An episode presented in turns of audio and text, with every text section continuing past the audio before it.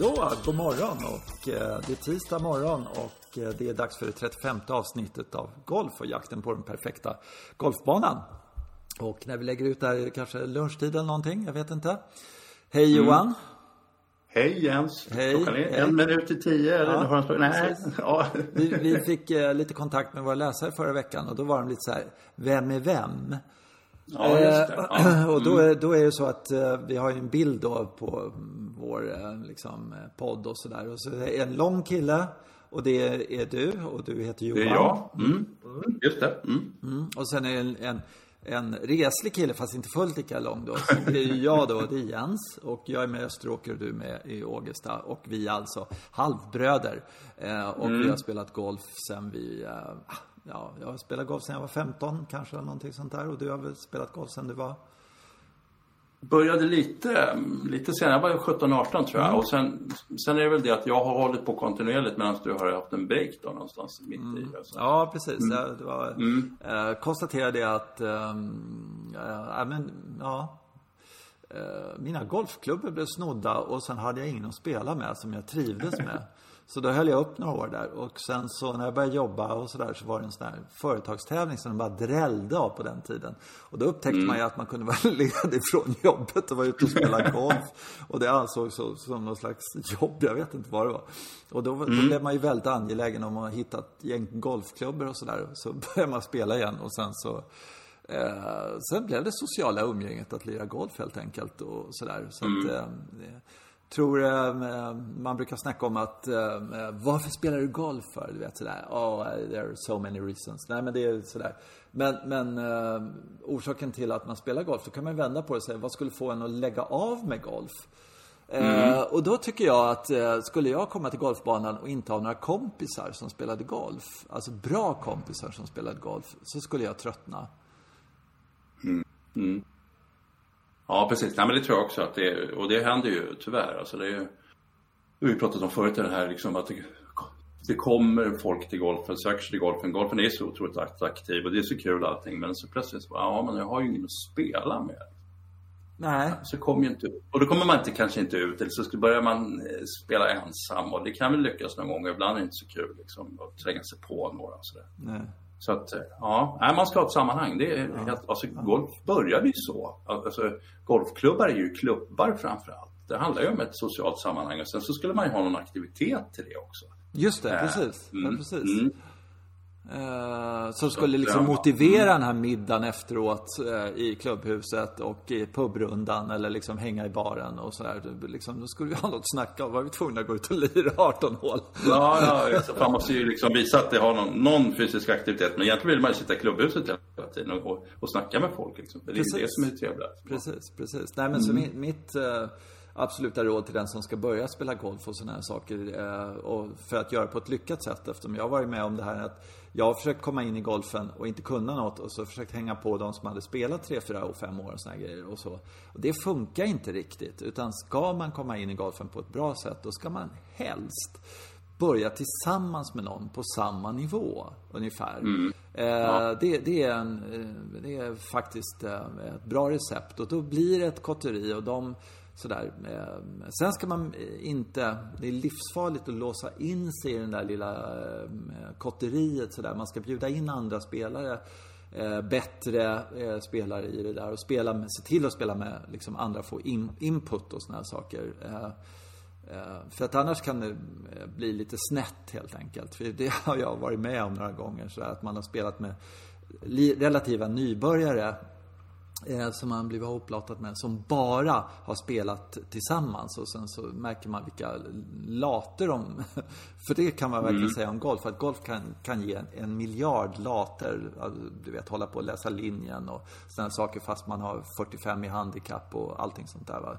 Evigheter och sånt. Eh, Så det, eh, det är väl... eh, Ja, inte minst är det ju sj- själva det här att vilken resurs det är med alla andra människor i den här klubben eller, eller som är där och spelar golf. Och så, som, så gjorde vi. vi har, jag har gjort allt det där. Vi började i ett gäng då. Eller började en i taget egentligen och så började vi. Så det är ganska Så bildade vi naturligtvis vår egen kultur kring allt det där. Gjorde allting på vårt eget sätt och hade skitkul. Mm. Och de andra tittade väl lite snett på oss sådär. Så, så var det ingen, så vi sket i de andra på klubben. Mm. Så var det en av oss som började tävla. Vi undrade mm. vad fasen håller du på med liksom. Och då träffade han ju andra människor och började inse att de där gick ju faktiskt att umgås med. Och så mm. började han, han då dra in oss i det här. Så mm. Motvilligt gick man med på. Alltså. Mm så här, många, otroligt många år senare så är det ju det, är ju det som är den stora grejen där. Det sociala sammanhanget. Jag tror att det i hög grad räddar väldigt många på golfklubbarna. Att, att det finns någonstans att bara drälla ner och sen så, ja, då är de andra gamla kompisarna där och kompisar, kompisar, bekanta här. Mm, mm. Nej men det, det jag håller helt med. Eh, det gäller att ha en liten bas sådär i början. Och sen ska man mm. försöka söka sig utanför den också så att man mm. har andra saker att, falla tillbaka på. För att det kan ju vara sådär att man börjar med någon sådär och så Sen kommer den personen på att de ska skapa liksom familj eller någonting sånt där och prioritera Precis. bort golfen. Så himla dumt. Ja. ja, helt obegripligt. Och så prioritera ja, mm. golf, golfen på andra plats i livet liksom. eh, Och, och, då stå, och, då står man där med tvättad hals och då gäller det att man, man har en, en, en bredare bas att stå på. Sådär. Mm. Men, men, eh, mm. Och man liksom nästlar sig in i den här klubben eller någonting sånt här. Och då gäller det att man ja, eh, kan hänga på andra då och har skapat ett annat socialt, eh, social bas helt enkelt. Sådär. Eh, vilket inte är det lättaste. Alltså det, man märker ju det att folk drar sig gärna till de här små kotterierna i en klubb och sådär. Ju äldre klubben är desto hårdare kotteriklubbar är det liksom. Sådär. Så är det ju bara. Ja, en äldre klubb kan ju tänkas ha en kärna där som har varit med när det var, var relativt lite folk i klubben och så pass lite folk så att man lärde känna stort sett alla, eller kände igen alla. Och sen så plötsligt så väller in en massa människor, det blir en golfbom och så väller in en massa människor och då betraktar man alla fiender förstås. Mm. De kommer ju bara inkräkta här. Ja, och, och så, framförallt så, så, vet de ju inte koderna. De har ju inte fått lära sig dem tillräckligt. Kan inte. Mm. Nej.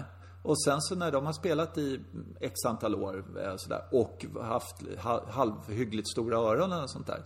Då, då kan de ju plocka upp de där signalerna. Det märker man ju också när man har spelat med mm. folk som har spelat väldigt länge. Att de är väldigt vana vid att anpassa sig till, till varandra på något sätt. Mm. Uh, att, ja, det. Eh, mm.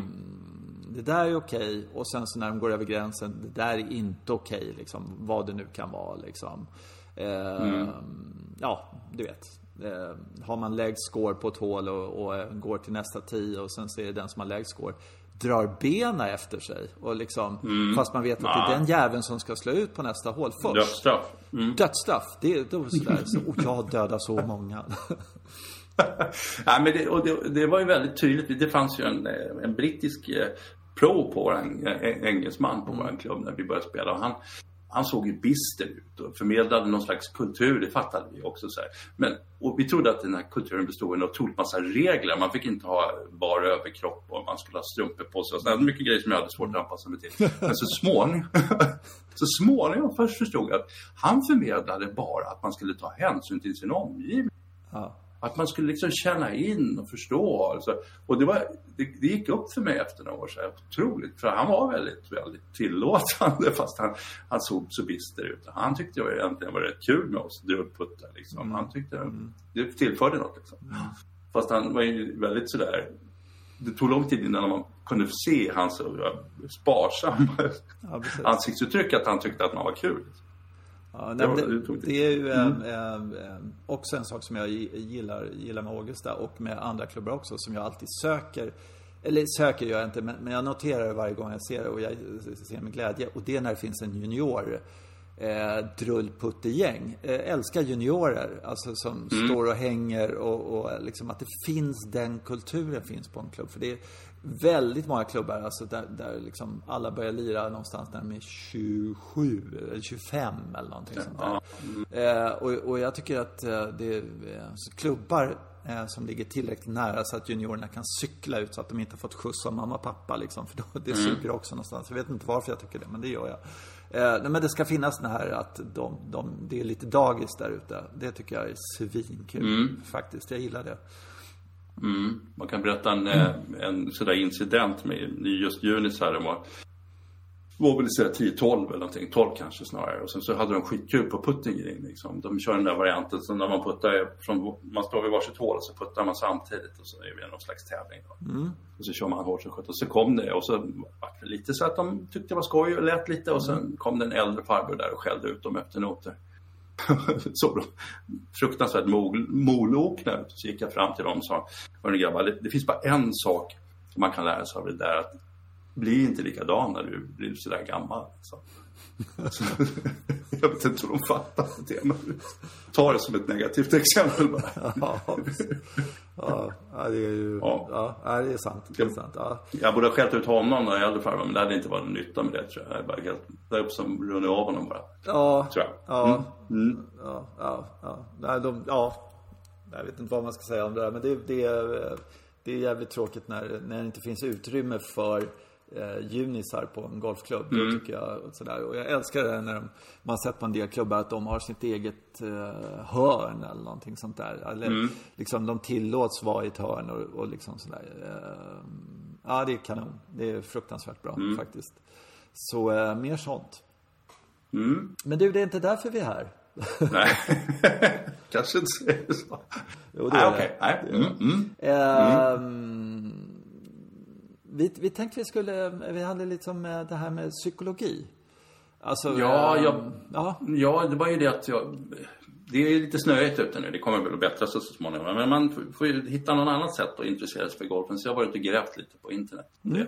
Mm. Ja, men. ja, och hitta, hitta någonting som heter Golf Science Lab. Vilket verkar naturligtvis otroligt så här högstämt. Men det visade sig vara en snubbe som har samlat ihop lite. Han intervjuar folk och lite. Det är hans egen eh, lilla liksom, låda här. Mm. Men han hade en, en, en, väldigt intressant intervju med en kille som heter Michael Hebron som tydligen är känd eh, coach, tränare i USA som jag har aldrig hört talas om. Men den var jätteintressant.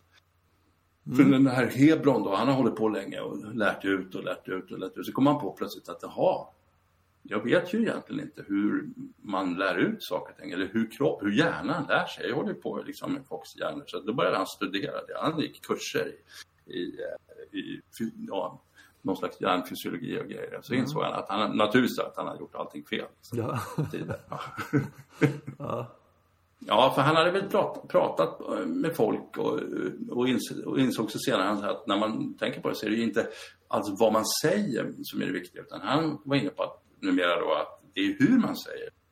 Hur du förmedlar saker och ting. Allting som, som finns att, veta om golfsvingen, säger han, det finns ju på internet. Mm. Behöver ju ingen prov för det där. Det är bara att googla på det liksom. Mm. Men det, och däremot ska de nytta på den här, av den här tränaren så ska det ju vara någon som verkligen kan förmedla saker. Mm. Som kan få eleven att förstå liksom. Och han, då pratar, han pratar om att man, man kan inte göra något nytt med en människa utan man måste alltid hitta in via en gammal erfarenhet. Mm. Mm. Du måste hitta någonting som folk redan har gjort och redan förstår. Och sen så får du köra någon form av liknelse, liksom, ansluta till den. Liksom. Han pratar om att putta till exempel. Ungefär som om du tar en nyckelknippa och kastar den liksom, på bordet där. Liksom. Så ska puttstråket kännas. Det var lite sådana grejer. Så han, ah. han försöker hitta ja, mm, liknelser och sådär. Smart. Och sen så var det kul för han var eh, oerhört sådär kritisk till begreppet att man har en sving till exempel. Uh, för han säger så att man, man står där på rangen och 90% av tiden så gör man ju bara fel saker eftersom man står och nöter samman och rör sig om och om igen. Som om golf funkade så liksom. Mm. Det gör det ju inte. Liksom. Golf är ju, eh, om man om man slår 90 slag på en runda så är det 90 unika liksom, situationer som uppstår. Ja, det är det. Verkligen. Ja, och då måste man ju förse den här spelaren. Nu slår man ju för inte 90 slag någon enda gång. Jag vill bara påpeka det. Ja, sorry, sorry, det var ett dåligt exempel. Men i alla fall. Ja. så, så, eh, utan, alltså, då är det så att det, eftersom det är unika situationer som uppstår så måste man hitta någon form av eh, alltså någon form av eh, grejer som folk kan. Man ska vara skicklig på något sätt som går att ta med sig. Som inte liksom är så strikt anpassat efter samma situation. Så att man kallar det för portable skills. Liksom. Uh, vilket är lite svåröversatt. Nej, de inte alls. Bärbara. Bär, bär, bär, bärbara, ja. jag Man kan bära med sig till nästa situation. Mm. Så det tycker jag var kul. Uh, och, sen så, och sen så pratade han om att folk tror att när de när de gör fel på en golfbana, när man gör man slår ett riktigt dåligt slag så tror de att det är något fel på deras sving. Så det är någonting som måste fixas. Mm. Hans ingång till det här är att du är människa, du kommer göra misstag. Liksom. Du ska bara fortsätta försöka göra det som du försökte göra från början. Liksom. Och det här som att, att du gör fel någonstans, det beror oftast på dina känslor. Det var väl det lite du tyckte att vi skulle komma in på. Mm, ja, eller det, Ja. Jag, jag vet inte. Varje avsnitt är en öppen bok. Så är det. Ja, vi pratar bara. Ja, vi får se vart vi hamnar. Ja, nej men, eh, eh, ja. Mm. Och då kan jag berätta en extrem historia faktiskt. Men vänta, vänta, vänta. Man skulle, man skulle ha portable skills. Ja, just det. Mm. Ja, hade du något exempel på, alltså, ja, ska vara portable, vadå då? Vadå? Vad menar du med det? Alltså, ja. Färdighet, alltså man måste ha en viss form av eh, rörelse med klubban. Liksom. Man måste ju kunna mm, ja, på något sätt få, få klubbhuvudet till bollen. Men, men, men varje, han menar då att varje slag du står inför så, så, ska, så låter banan diktera så här. På det här utslaget till exempel så ska man skruva den från vänster till höger. känner man. Då kan du inte göra exakt, sam, exakt samma rörelse som du, du har gjort. Eh, Nej, nej någon, någon enda gång någonsin egentligen. Nej, lite utan du ska ju göra någonting som är väldigt nära den rörelsen Mm. naturligtvis. Men det ska ju vara lite annorlunda så att du får den där skruven i bollen. Och det menar han är en, en portable skill. Liksom. Mm, Okej, ja men då är jag med. Den är, ja. ja, mm, Okej, mm. sorry. Du tänkte berätta en Ja. historia från, eh, liksom sådär. Ja, jag, jo, jag tänk, tänkte berätta om det här, just det här med hur känslor kan påverka en. Det var en kompis till mig och det, det här är lång, långt tillbaka i tiden. Det var vårmästerskapet som vi hade då i maj spelade man en gång. Mm. På Ågesta på den tiden i maj, då var det ofta inte särskilt mycket gräs på grinerna utan det så, så för bedrövligt ut. Men han spelade som, som total trans. Alltså han sänkte puttar från alla håll och slog bollen per, helt perfekt. Och sen, han spelade 15 hål så var han sju under par också en extrem, på den tiden, en, ex, en extrem score. Liksom.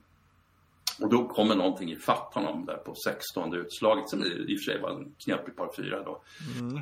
Så att han börjar bli lite för defensiv eh, och, och det krånglar som 17 på 16. Han får en trippel i på 16. Han gör en dubbel på 17 och, och sen gör han en dubbel på 18. Det är en kille som har gått 7 under på de 15 första hålen. Eh, så kom, han kommer in på 18 och så, så frågar folk, vad hade du för score? 72, bra säger de. Liksom. Han åker därifrån och kommer inte tillbaka på 10 år. Nej, nej, men det förstår För- jag. Alltså fruktansvärd upplevelse liksom. Att, i- att inte få, liksom, inte kunna på något sätt, att inte få ordning på kroppen. Liksom. Och det, det är just de där, liksom, det måste ha funnits hur mycket positiva känslor som helst i kroppen på honom innan. Men där uppstod de, om jag bara var klar liksom, så att den tanken. På. Ja, det är ju, uh, usch, ja. Eh, eh, ja, det, det där är ju det är sjukt. Jag, eh, eh, mitt lilla bidrag till det här var att jag lyssnade på det här Värvet. Det, är- det är en podd. Mm. Det är en kille som intervjuar en massa människor då. Och sen så, jättebra podd, kan jag verkligen rekommendera. Men då hade han med Farstasonen Martin Lidberg. Eh, som, så jag vet inte varför, men jag tänker så här, en brottare, han är ju dum i huvudet liksom. ja, men han är Frank. Andersson, liksom, en Ja, noll sådär. Nej, Hur jävla skarp kille som helst, eh, den här Martin. Och eh, hade ju en jättejobbig resa med spelande pappa och sådana grejer. Men han hade kommit fram och han eh, som brottare då väldigt tidigt, supertalang. Eh, ja, ja, född brottare liksom sådär. Så det var ju ingen som kunde mäta sig med honom då. Så han vann hela tiden. Och skitlätt och han kom alltid i överläge och bla bla bla sådär. Sen så när han då började eh, komma upp sig lite och började köra internationellt, tror jag att det var, men det kan vara nationellt också. Men jag tror att det var internationellt. Eh, sådär. Då, då kom han i, i underläge helt plötsligt i matcherna i början, hände då och då sådär.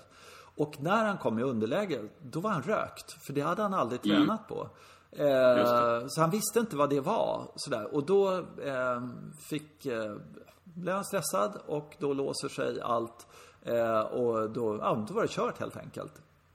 Men den här killen då, han var så... eh, Och hans tränare och liksom, men eh, han intresserade sig otroligt mycket för eh, vad det här var, alltså psykiskt. För han förstod ju att det var en psykologisk grej som gjorde att han var sådär. Eh, att han blev stressad och så. Så att han helt enkelt eh, insåg det och började läsa på om eh, hur man kan lura hjärnan egentligen. Alltså att hjärnan är väldigt lättlurad. Så att vad de gjorde var, bland annat, var att de på, eh, på klubben då så gjorde de tävlingar, alltså fejkade tävlingar med och bjöd in väldigt bra motståndare, hade resultattavlor, hade domare och liksom sådär. För att eh, eh, träna på den här situationen. Plus att han liksom hela tiden sa, okej, jag har då den här negativa, när jag hamnar i det där parterret, vad tänker jag, eller det här negativa underläget, vad tänker jag då? Ja, då tänker jag det här kommer gå åt helvete. Vad ska jag egentligen tänka? Jag ska tänka det är så så mycket tid kvar, bla bla bla sådär va. Alltså positiva saker. Och eh, det räcker inte. Men det, eh, det var liksom en sak. Okej, det här är modellen. Men jag måste träna på den här modellen. Alltså om och om och om igen. Precis som allt annat. Ska du träna upp en muskel kan du inte göra det på liksom en övning. Utan du måste göra det på tusen övningar. Eller en svingrörelse eller vad som helst. Du måste träna på den, nöta in den. Och det var likadant med, med det psyko, psykologiska. Alltså vända en negativ tanke till att det är det här jag ska tänka på. Liksom. Det var han tvungen att göra hur många gånger som helst. Och han var tvungen att försätta sig i den här situationen då. Dels på träning jättemånga gånger. För att automatiskt få hjärnan att tänka, det är lugnt, det finns tid kvar liksom. Det är ganska mm. häftigt. Jag tyckte, jag gillar det där att eh, eh, psykisk träning, eh, stressträning, allting sånt är precis som all annan träning. Ska du få bra kondition så går inte, räcker inte att sticka ut i skogen och springa en gång. Du måste springa jättemånga gånger och jättelångt ja, liksom. För, för att det ska hända någonting. Och likadant med psyk, psykisk träning. Alltså att du måste träna på den här situationen och, och äh, liksom, det här är den negativa tanken jag får. Äh, liksom. mm. Vad, vad ja, tänker jag när, när, jag slår en, en slicer, en, en drive out till exempel? Vad tänker man? Ja, men jag tänker ju då att jag är en dålig människa.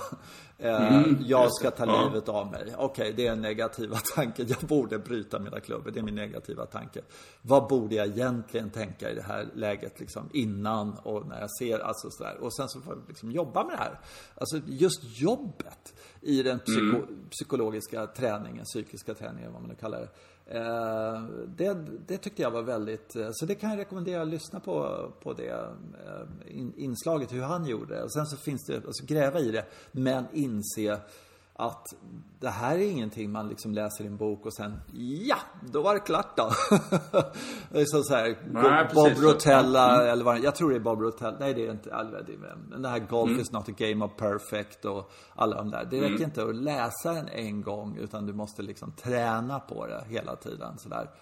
Uh, och ja, det, jag tycker det, det är jävligt intressant mm. att man måste lära sig att bryta den där.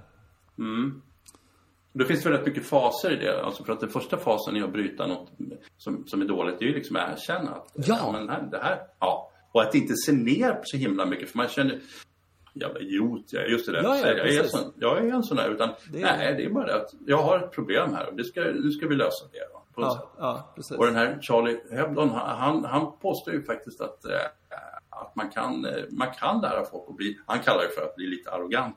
Man, mm. man blir så arrogant så att man tror att man kan klara av saker att man kan slå någon och sådär. Mm. Vara bättre än där. Det är liksom någonting som går att lära in. Mm. Alltså man kan ju, alltså jag tittar lite grann på det där. Vi, lite sådär innan pratat om det lite grann så gick jag in och kollade sådär. Eh, några killar som, som man kan tycka borde kunna jobba igenom det här och som kan, man kan tycka eh, har, har, borde ha liksom all hjälp, all professionell hjälp man kan få. Att det, det här är inga lätta grejer. Och, och, det bästa exemplet jag kan komma på, på, på vad ska jag säga, problemsidan, eh, det är Tiger.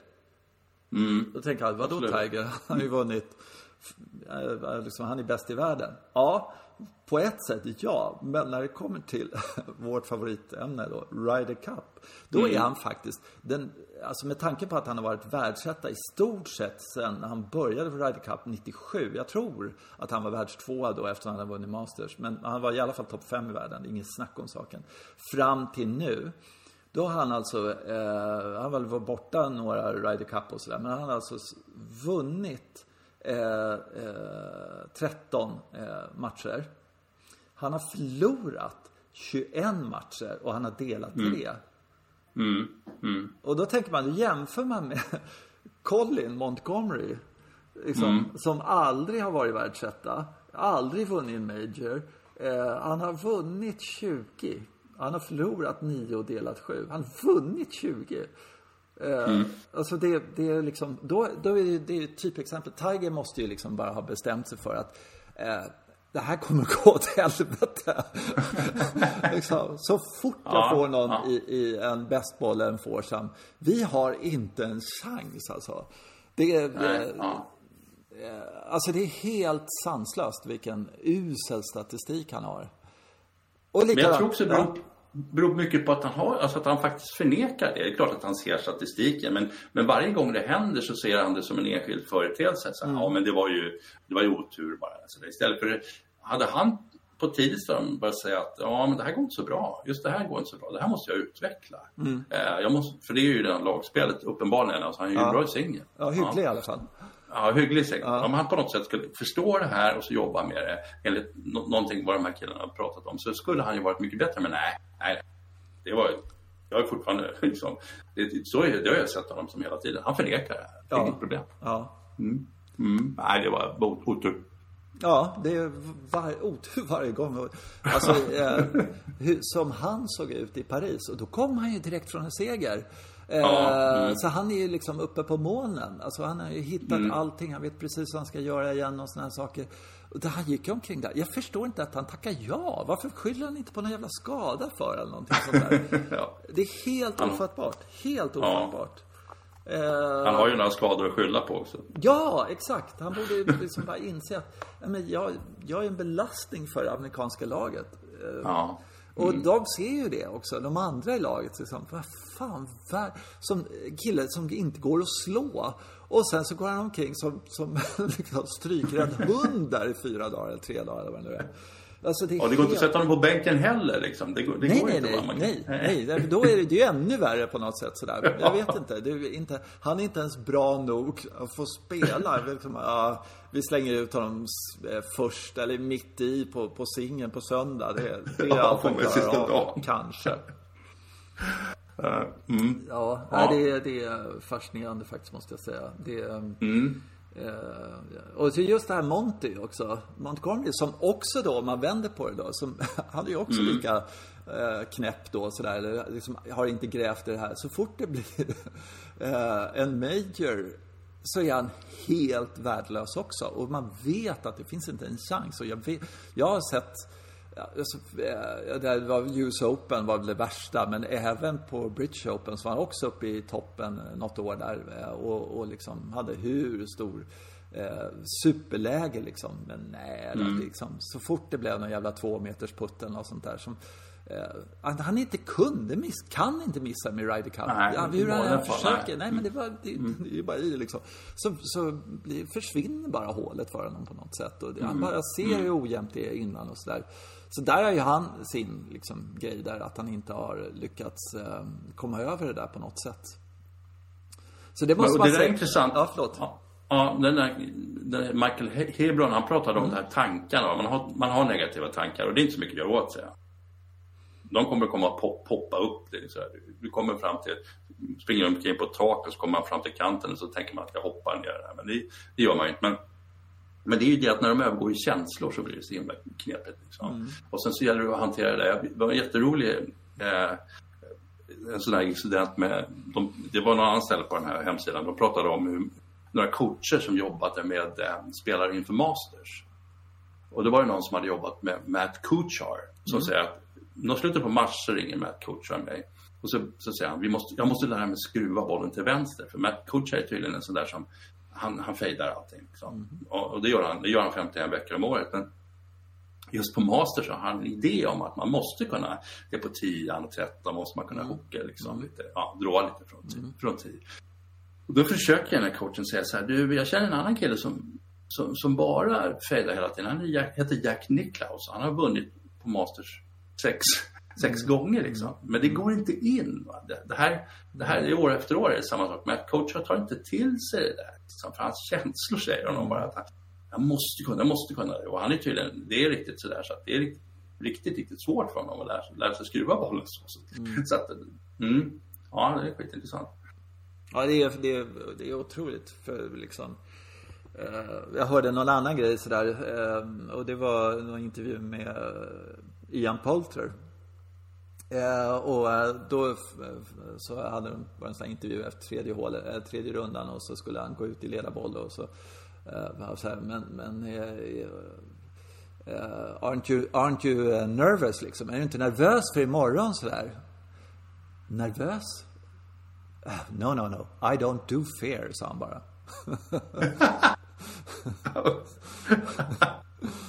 det, det, ja. ja. det är intressant. Mm. Det alltså en sak som jag funderar på sådär som eh, kanske tar i lite grann sådär men, men eh, jag undrar alltså eh, de här riktigt, riktigt bra sådär. Jag undrar om man kan droga sig till, eller så här, vi också, på något sätt. Att det finns någon eh, eh liksom eh, betablockerare eller någonting sånt där som skulle göra att man liksom tycker att två birdies i rad det är helt naturligt så att man går för en tredje istället för liksom eh, desperat bevaka.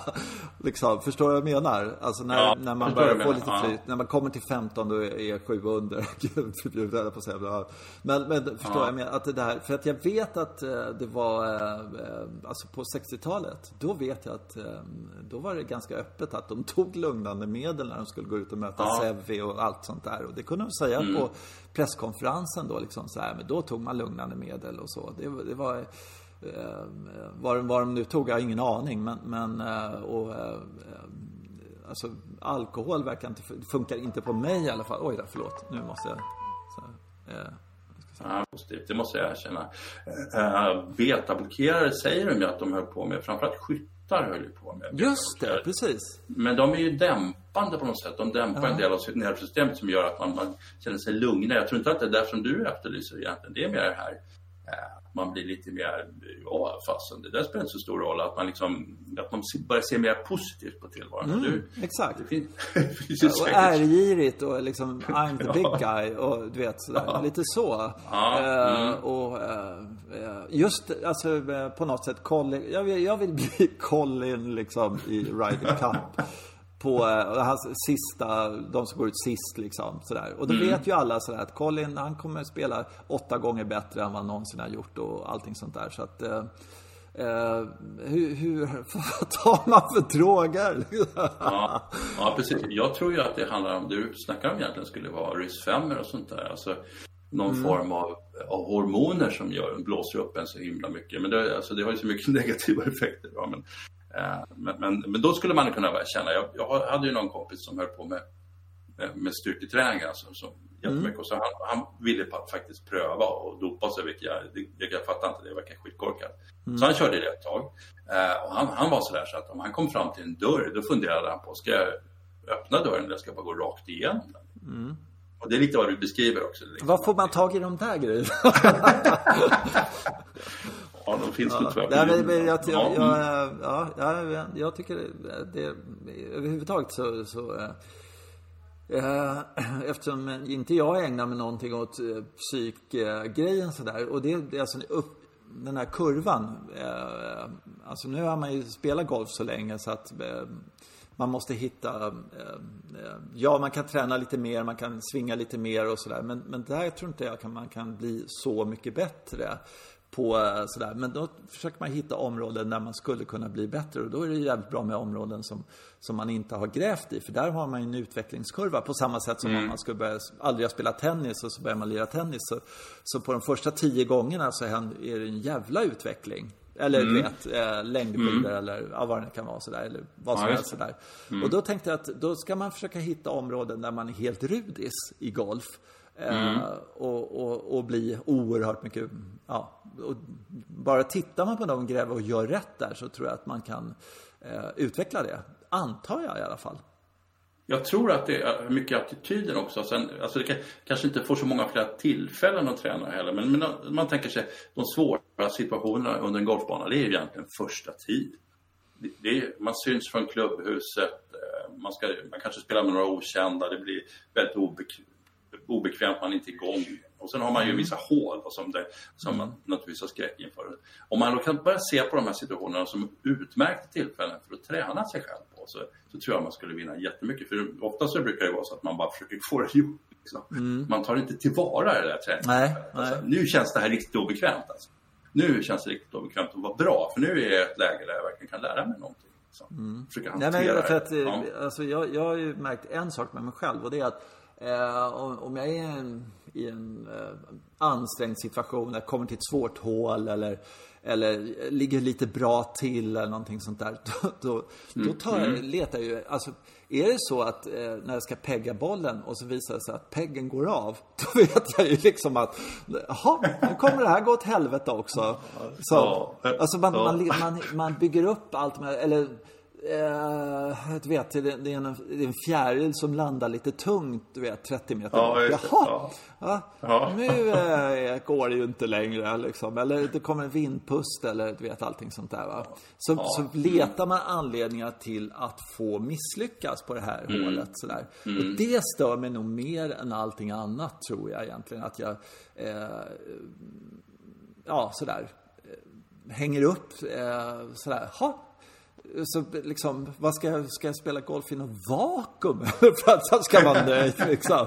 Med stålpengar. Det, det, det där Ja. tycker jag är så jävla fånigt. Och där skulle jag vilja bland annat då eh, kunna komma, komma åt och eh, kunna hantera.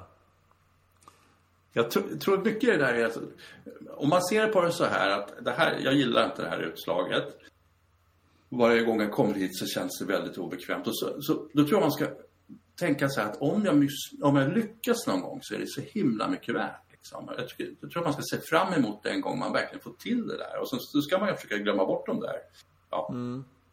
De, de, för ofta så känner man sig som en stor jävla idiot bara för att man inte klarar av situationen. Men man ska ju tänka mycket, mycket mer på den där gången när man faktiskt gjorde det. Liksom. Man- Man kommer upp på första teamen och bekanta typer och sen så tittar på en som har förväntningar och så slår man ett bra slag.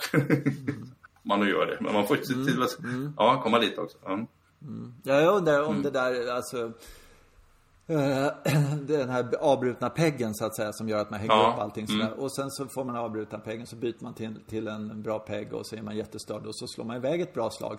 Då tror jag att jag glömmer bort att jag var störd innan. Eh, men, men de gånger eh, jag får en avbruten pegg och så byter jag och sen så hookar jag ut den i vattnet. Då bygger jag upp en stor grej kring det där i mitt huvud. Om du förstår. Så att eh, det blir lite störande för att då är det så här, fan det var där. Och sen så de gångerna som den ligger mitt i, då är det bara, ja, det är liksom sådär. Det är lite eh, där. Eh, Jag tänkte på en grej som du har berättat för mig, eh, som du har läst någonstans. Och det, det var den här eh, Sevi. Det var någon journalist som gick runt bland spelare. Ja, mm. Och du kan väl dra den historien, för jag tycker den är så Ja, bra. jag har dragit den i podden förut, men, men vi kan, du? kan dra den i. Ja, faktiskt dragit den en gång. Den, den handlar ju om den där och det, det, det var för att jag har en dröm sådär. Jag har olika varianter på samma dröm och det är att man eh, man kommer till första tio och sen så, ja, den kan vara i, ett litet rum och så spelar man in tre bollar. De andra två har slagit ut den och så går man in och sen när man ska pegga upp så inser man att det står en byrå i vägen för backswingen. Och bollen ska slås ut genom ett litet fönster. Så, här, det så, och det blir så himla stressigt. Man känner att de andra kommer iväg och alla står och undrar varför gör han ingenting?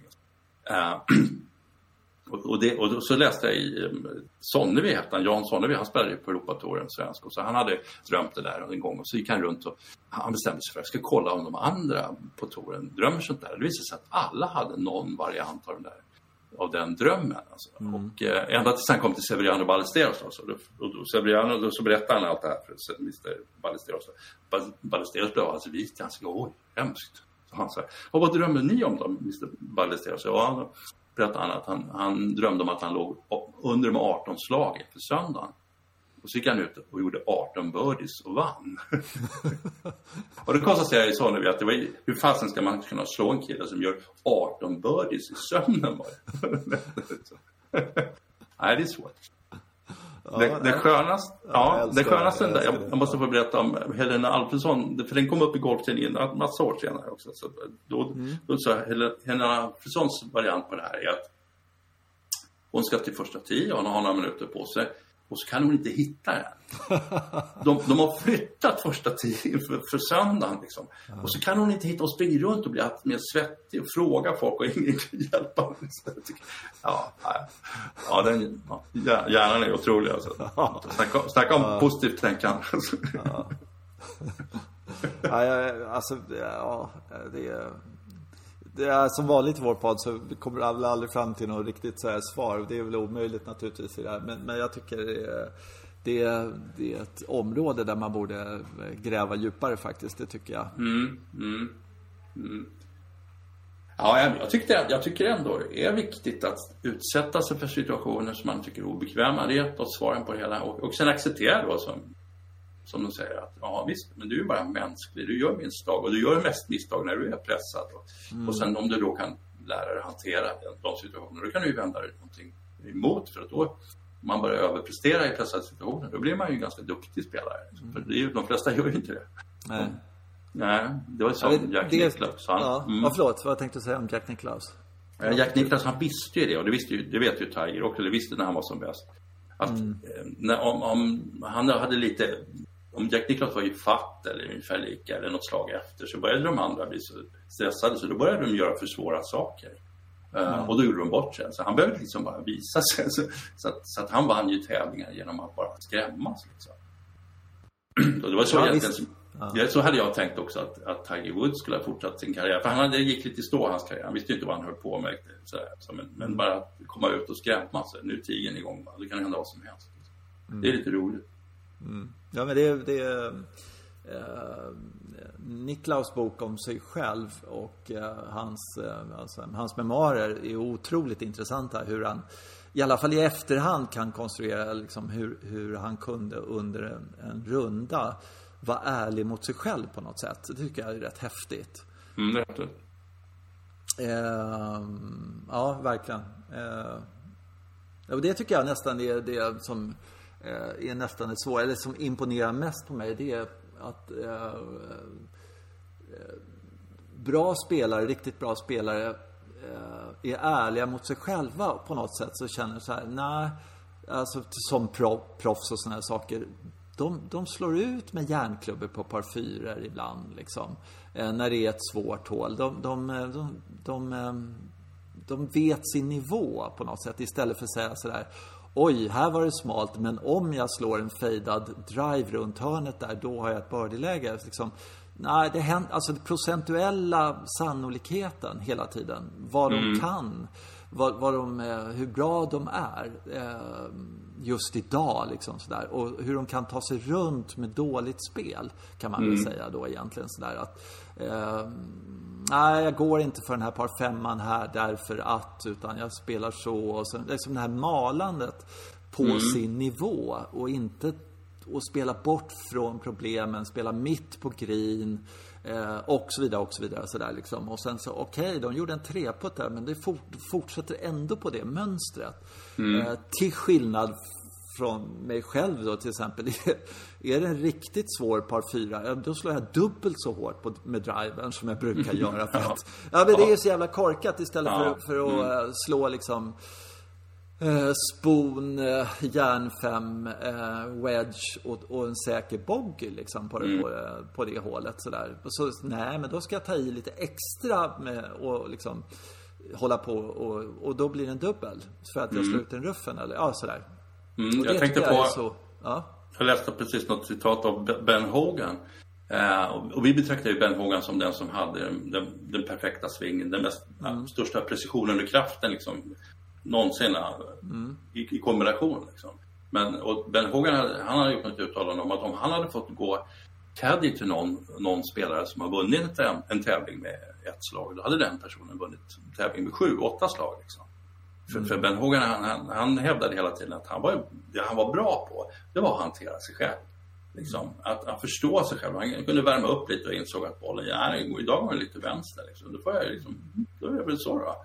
Uh, istället för att, ja, vad, vad, är det för fel på svängen? Utan jag, han, han, man hanterar, man, man på något sätt försöker förstå sig själv. och Så använder man sig själv, eller hanterar sig själv under, under rundan. Och, det, och, det, och han ansåg att han var Ja, sen när det gäller puttning var han ju inte det. Liksom. Där var det ett stort svart hål naturligtvis. Mm. Nej, men det var alla. Det, det, det hörde jag också någon grej om. De frågade så här, typ Niklaus och Palmer och grabbarna så där. Eh, Typ nu då, eller var för tio år sedan och sånt där. Vad ni vet idag, vad skulle ni ta med er tillbaka så där? Och då var det det omvända till när ni var som bäst då. Just det. Ja. Eh, ja, men då var det omvända puttgreppet. Därför att, eh, och det, eh, för att de, och det ser man när man går tillbaka och ser på 60-talet eller något sånt där, hur de puttade. Eh, Det, är, det är ju ingen som har ett riktigt schysst puttstroke. eh, Utan alla knackar iväg dem. Och så dåliga griner var det inte alltid. Utan ibland var det riktigt, ganska bra griner på Masters och sådär. Så att de skulle kunna, eh, ja, eh, de slog inte ur ruffen med putten så att säga. Utan de skulle kunna ha en mycket bättre puttrörelse. Men det är väldigt, väldigt många som faktiskt har en väldigt ryckig puttrörelse. Och eh, Niklaus, alltså, de säger att han var, och det var han också, en av de bästa puttarna. Men hans sätt som han såg att putta, det, det ser för jävligt ut helt enkelt måste jag säga. Eh, liksom ansträngt och spänt och att inte han fick gips med, med den någon gång under sin karriär, vad man vet i alla fall, det är helt ofattbart tycker jag. Ja, Eh, och jag tror att de, alltså det, det, du- det du kallar de här dåliga puttstråken, det kom väl också ifrån att de hade vuxit upp på någon liten skitbana någonstans med 400 medlemmar. Så hade, alltså det var ju inte griner på det sättet. nej, nej, nej. Och Och, då de är- klippte grinade en gång i veckan. Och Ja, liksom, sådär, alltså. ja. Den generationen var ju så. Jag kommer ihåg precis hur diskussionen var här i, i Sverige när vi började få ganska duktiga spelare. Men de, de kunde inte putta. Och det, var ju, alltså, det blir för att det liksom är vinter halva året och sen är grinerna urusla och sen så har de någon Mm. vecka på sommaren där de kanske är acceptabla. Så, så då pratade man om att man måste flytta till Spanien för att kunna lära sig putta överhuvudtaget. Mm. Mm. Nu Nej, börjar men det, mm. ja. Nu börjar det, Eh. det där fucka lite men det, nu är ju å andra sidan alla, alla utbildade i USA på college istället. Ja, precis, precis. Och... Eh, ja, men... men eh, eh, ja, de säger fortfarande att eh, det, det är bättre, ska det bli en riktigt bra puttare ska det vara på USA-touren liksom. För att du får exakt samma eh, typ av gräs eller väldigt ofta väldigt likt och sådana saker. Fast det stämmer ju inte för att om du är, det har jag ju sett från Pebble Beach till exempel. Det är ju riktigt usla griner där nästan alltid. Eh, Så, så ehm, och, och det, ja, du måste liksom nästan slå överskruv på bollen och ha bra hastighet förbi hålet för att den ska hålla linjen och såna här saker. Så du måste vara modig puttare på det, på det sättet och sådär. Så att, eh, så är det. Men du, jag tycker det räcker sådär idag. Vi ska inte eh, alltid köra en timme. Jag tycker eh, eh, ska bli spännande. Det är väldigt roligt. Vi har fått eh, en eh, uppsving med lyssnare. Nya lyssnare tror vi då, eh, som vi inte har koll på det. Men vi ser att det är många i alla fall. Och vi vill bara säga det att på Insta så finns, vad heter det, vår, eh, sådär, man kan eh, följa oss där då. Och framförallt skulle det vara jätte, jättekul att få lite input från lyssnarna vad ni tycker vi ska prata om. Vill ni att vi ska prata mer om golfbanor som är bra eller ska vi prata golfresor utomlands eller något sånt där, tips och råd och vart sådana liksom så. Eller ska vi prata eh, någonting sånt där som ni vill att vi ska prata om. Så det är bara att skicka in där på eh, Insta och eh, ja, så, så eh, tar vi säkert upp det i en, avsnittet därpå. Det, det, det vore jättekul. Det vore, Eh, ja, då, kan vi ge en liten så här försmak av, om vi inte får himla mycket an, ja, input Mm. utifrån då, så tänkte vi nästa, nästa gång då, nästa tisdag kan man väl säga, så tänkte vi eh, skälla lite på banarkitekterna, eller hur? Ja, Ja, nu ska de få. mm. Jävlar. Nu jävlar. Ja, Ja, precis. precis. Ja, ja. Och ur Eh, ett visst perspe- perspektiv då, förstås. visst perspektiv. Men då ska vi, vi ska i alla fall diskutera det och se Ja, eh, om det är så som vi tror att det är att eh, 40 procent av de golfarna eh, är missgynnade. Eller hur är det egentligen? Sådär. Så att, eh, eh, där. Och sen så eh, tänkte vi väl lite ambition läng- längre fram också faktiskt att vi ska eh, ta och eh, bjuda in folk till podden. Och, och sådär lite banarkitekter och lite annat löst folk och sådär. Eh, det är en teknisk lösning vi ska jobba på men, men det är något vi siktar på i alla fall. Ja, Eh, Bra! Tack för oss för idag då. Ja. Vi hörs Johan. Ha det bra. det gör vi. Hej. Hej. Hej.